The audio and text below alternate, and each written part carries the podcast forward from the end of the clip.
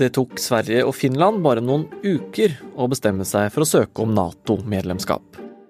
Så tok det Tyrkias president bare noen uker å stikke kjepper i hjulene på dem. Tyrkias president har i kveld gjentatt at han ikke vil godkjenne Sverige og Finland som Nato-medlemmer. Men etter mye om og men fikk omsider svenskene og finnene grønt lys for å starte prosessen med å bli Nato-medlemmer. And I'm pleased to announce that we now have an agreement that paves the way for Finland and Sweden to join NATO. Og Norden i Nato kan nå bli sterkere enn noen gang. Men hva kan Sverige og Finland ta med seg inn i Nato? Du hører på Forklart fra Aftenposten, og jeg heter David Vekoni. Nato ble jo starta opp i 1949, og Norge, Island og Danmark var med helt fra starten. De her forsøkene på et sånn nordisk forsvarssamarbeid som man snakka om rett etter andre verdenskrig, det fikk de ikke til. Og Finland, for dem var det uaktuelt å bli medlem av Nato fordi de hadde et eh, problematisk forhold til Russland.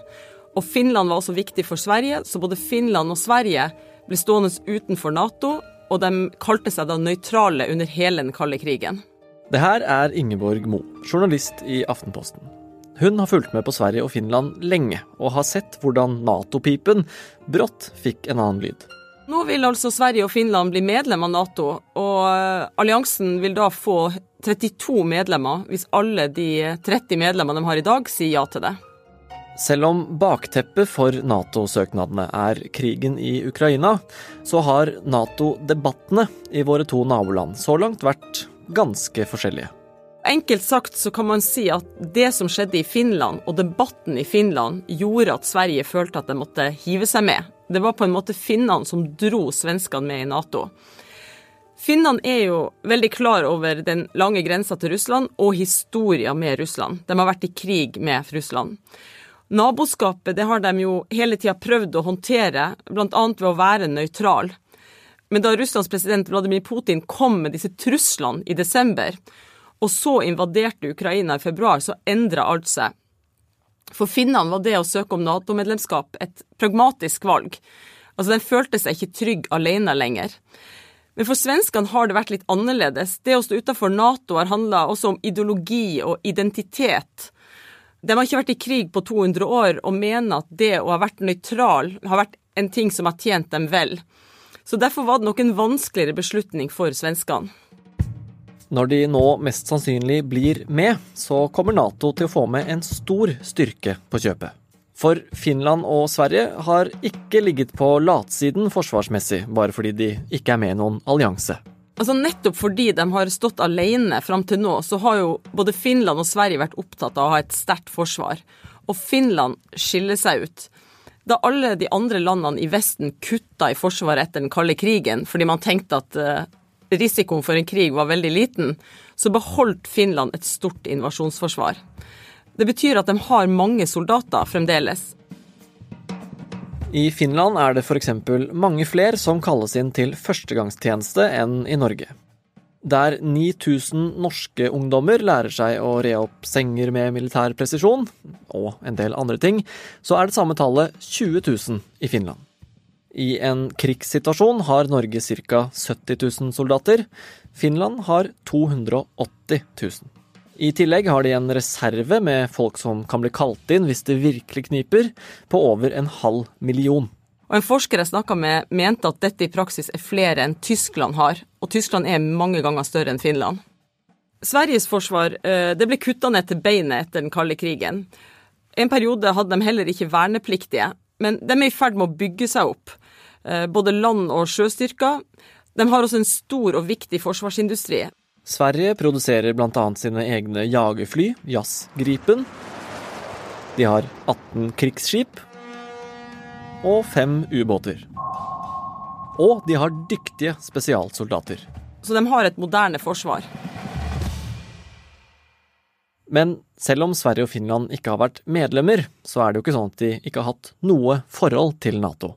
Saken er at Sverige og Finland har samarbeida veldig tett med Nato de siste årene. Både med Nato som sådan, men også med enkeltland. Eksempel har både Sverige og Finland et tett militært samarbeid med USA. De deltar f.eks. på Nato-øvelser, de sendte soldater til Afghanistan. Kort sagt så er ingen land tettere på Nato enn Sverige og Finland i dag. Og siden de har øvd mye med andre Nato-land, så regner de fleste med at det blir enkelt å integrere dem i Nato. Så uten sammenligning for øvrig, det er som Norge og EU. Ingen land er tettere på EU enn Norge uten å være medlem. Ingen land er tettere på Nato enn Sverige og Finland uten å være medlem hittil. Men hvis Sverige og Finland blir fullverdige medlemmer, kan det endre Nato i Norden. Og her har Norge lenge hatt en unik posisjon, som vi kan miste nå.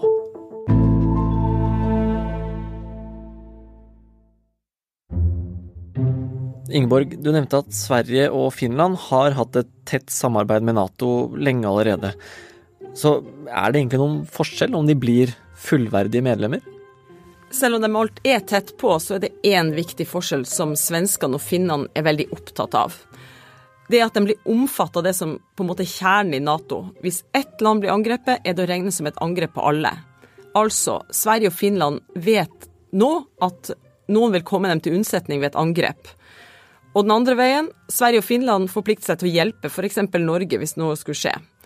Frem til nå har ikke Sverige og Finland kunnet stole på at de skulle få hjelp, selv om de har hatt et nært samarbeid med mange Nato-land. Så for Sverige og Finland er det en ganske stor forskjell. For Nato betyr medlemskapet bl.a. at Sverige og Finland nå blir en del av planene for kriser og krig. Og så har det jo stor strategisk betydning. Geografien er viktig. Når hele Norden er i Nato, så ser kartet annerledes ut. Nesten hele Østersjøen er omringet av Nato-land. Mange av de som forsker på dette, snakker om at man fyller et strategisk hull i Nord-Europa, at det blir enklere å operere sammen i nord. Og så er det to ekstra land i alliansen som kan forsvare de andre. Og det kan virke avskrekkende. Nato har allerede en av de største militære styrkene tilgjengelig. Totalt er militærbudsjettet nesten 25 ganger større enn Russland sitt. Med Finland og Sverige som medlemmer, så får de altså enda en stor hær og et moderne forsvar inn i miksen. Så det var Natos side av medlemskapet. Sett fra Nordens perspektiv så kan Sverige og Finland inn i Nato bety samarbeid på et helt nytt nivå. Det er allerede et ganske tett samarbeid mellom flyvåpnene i de nordiske landene, og dette blir trolig bli enda tettere. Og det er mange som peker på at til sammen vil de nordiske landene ha en ganske stor flåte med kampfly. Etter hvert opp mot 250-300. Og det er ganske mye. Eh, og det kan være viktig i forhold til det å overvåke f.eks. nordområdene, som er veldig viktig for Norge. I tillegg til samarbeid i lufta, kan man samarbeide mer på bakken og på havet. F.eks. kan man lettere bruke hverandres havner og veier. I Finnmark f.eks. er man jo ganske sårbar hvis E6 blir stengt. Alternativ rute går jo via Finland. Og når Finland blir Nato-medlem, vil jo det være enklere å gjøre i en krisesituasjon. Det er i hvert fall det som blir pekt på. Og så er det noen som også snakker om dette med å få til ei form for arbeidsdeling. Norge er jo f.eks. mye større på det maritime, altså det som går på sjøen, da, enn f.eks. Finland. Finland er mer opptatt av eh, sine landstyrker. Men hvor langt man vil gå i en slik arbeidsdeling, der noen blir best på én ting og andre på noe annet, eh, det er litt vanskelig å si, for det kan også være vanskelig politisk. Man kunne f.eks. sett for seg at Norge patruljerer sjøen, og så har liksom Finland sånn litt sånn hovedansvar for bakken? Jeg tror det er noen som tenker på det, men vi vet ikke hvor langt de vil gå i den retningen. Og så er det jo en del som peker på at den nordiske blokken i Nato blir større, og at eh, Norden da kan få en sterkere stemme i hovedkvarteret i Brussel. Men nå er det litt sånn ja-fase på gang, virker det som. Altså det er mange som er positive til Nato-medlemskap, og så langt så har vi jo hørt mest om fordelene. Men det er vel noen ulemper òg?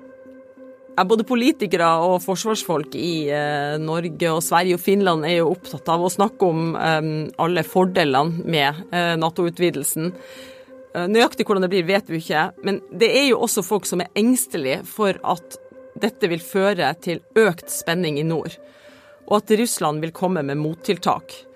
Både i Sverige og Finland har det vært eh, stemmer som har advart mot eh, det å melde seg inn i Nato midt i en storkonflikt, altså i Ukraina fordi man er redd for at det kan gjøre ting enda mer ustabilt.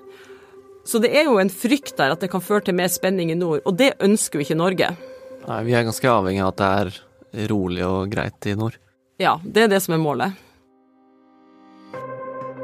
I tillegg til at spenningen kan øke her oppe i nord, så er det noe annet som kan endres for Norge. For vi har hatt en ganske unik posisjon i Norden.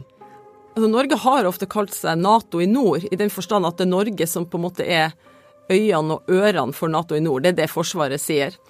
Norge er jo tettest på Russland i nordområdene, forvalter veldig store og viktige havområder, og har også erfaring med å snakke med russerne.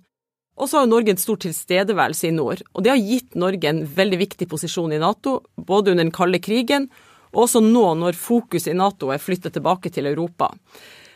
For Norge har det mange ganger vært veldig viktig at det f.eks. er norske skip eller fly som overvåker havområdene for å unngå konfrontasjon med Russland. Men når det er sagt, så har det forandra seg litt. Det er flere land som er til stede i nord. Og den posisjonen som Norge har eh, hatt, da, den kan bli utfordra nå? Ja, det kan iallfall bli mer konkurranse om å være Nato i nord. Eh, Finland har jo også veldig mye erfaring med å være nabo til Russland, og har også en mye lengre grense mot landet. Så det er ikke unaturlig at Nato vil lytte mye til dem framover. De har en stor autoritet på Russland.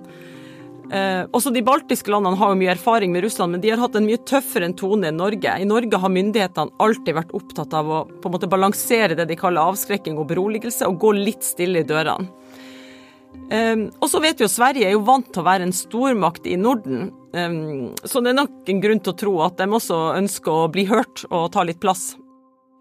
Men samtidig, for norsk hold så er man jo opptatt av områdene i nordvest, i nordområdene. Det er det Norge prioriterer. Finland og Sverige de har jo fokuset mye mer mot Østersjøen, og slik vil det fortsatt være også etter Nato-utvidelsen. Så kan hende vi fortsatt kan være litt unike oppe i nordområdene, i hvert fall da. Ja, Ok, men alt i alt, da. Hvor stor forskjell blir det egentlig? Altså, det tror jeg mange i forsvarssektoren også er spent på, og de er nok i gang med å planlegge hvordan de skal samarbeide framover. Men først må jo Sverige og Finland bli medlemmer. Det har ikke gått så fort som man trodde, uh, pga. motstanden fra Tyrkia. Men de fleste tror nok at Sverige og Finland er fullverdige Nato-medlemmer i løpet av et år. Så får vi se akkurat hvilke roller de inntar i Nato. Men forskjell vil det jo bli uansett. Først og fremst at hele Norden er samla innenfor Nato.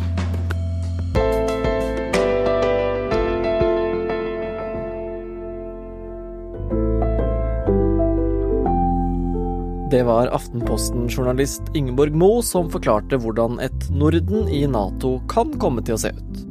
Og hver ukedag går vi i Forklart inn i én viktig sak og forklarer deg hvordan ting henger sammen. Du finner oss der du finner podkaster, og det er helt gratis å høre på.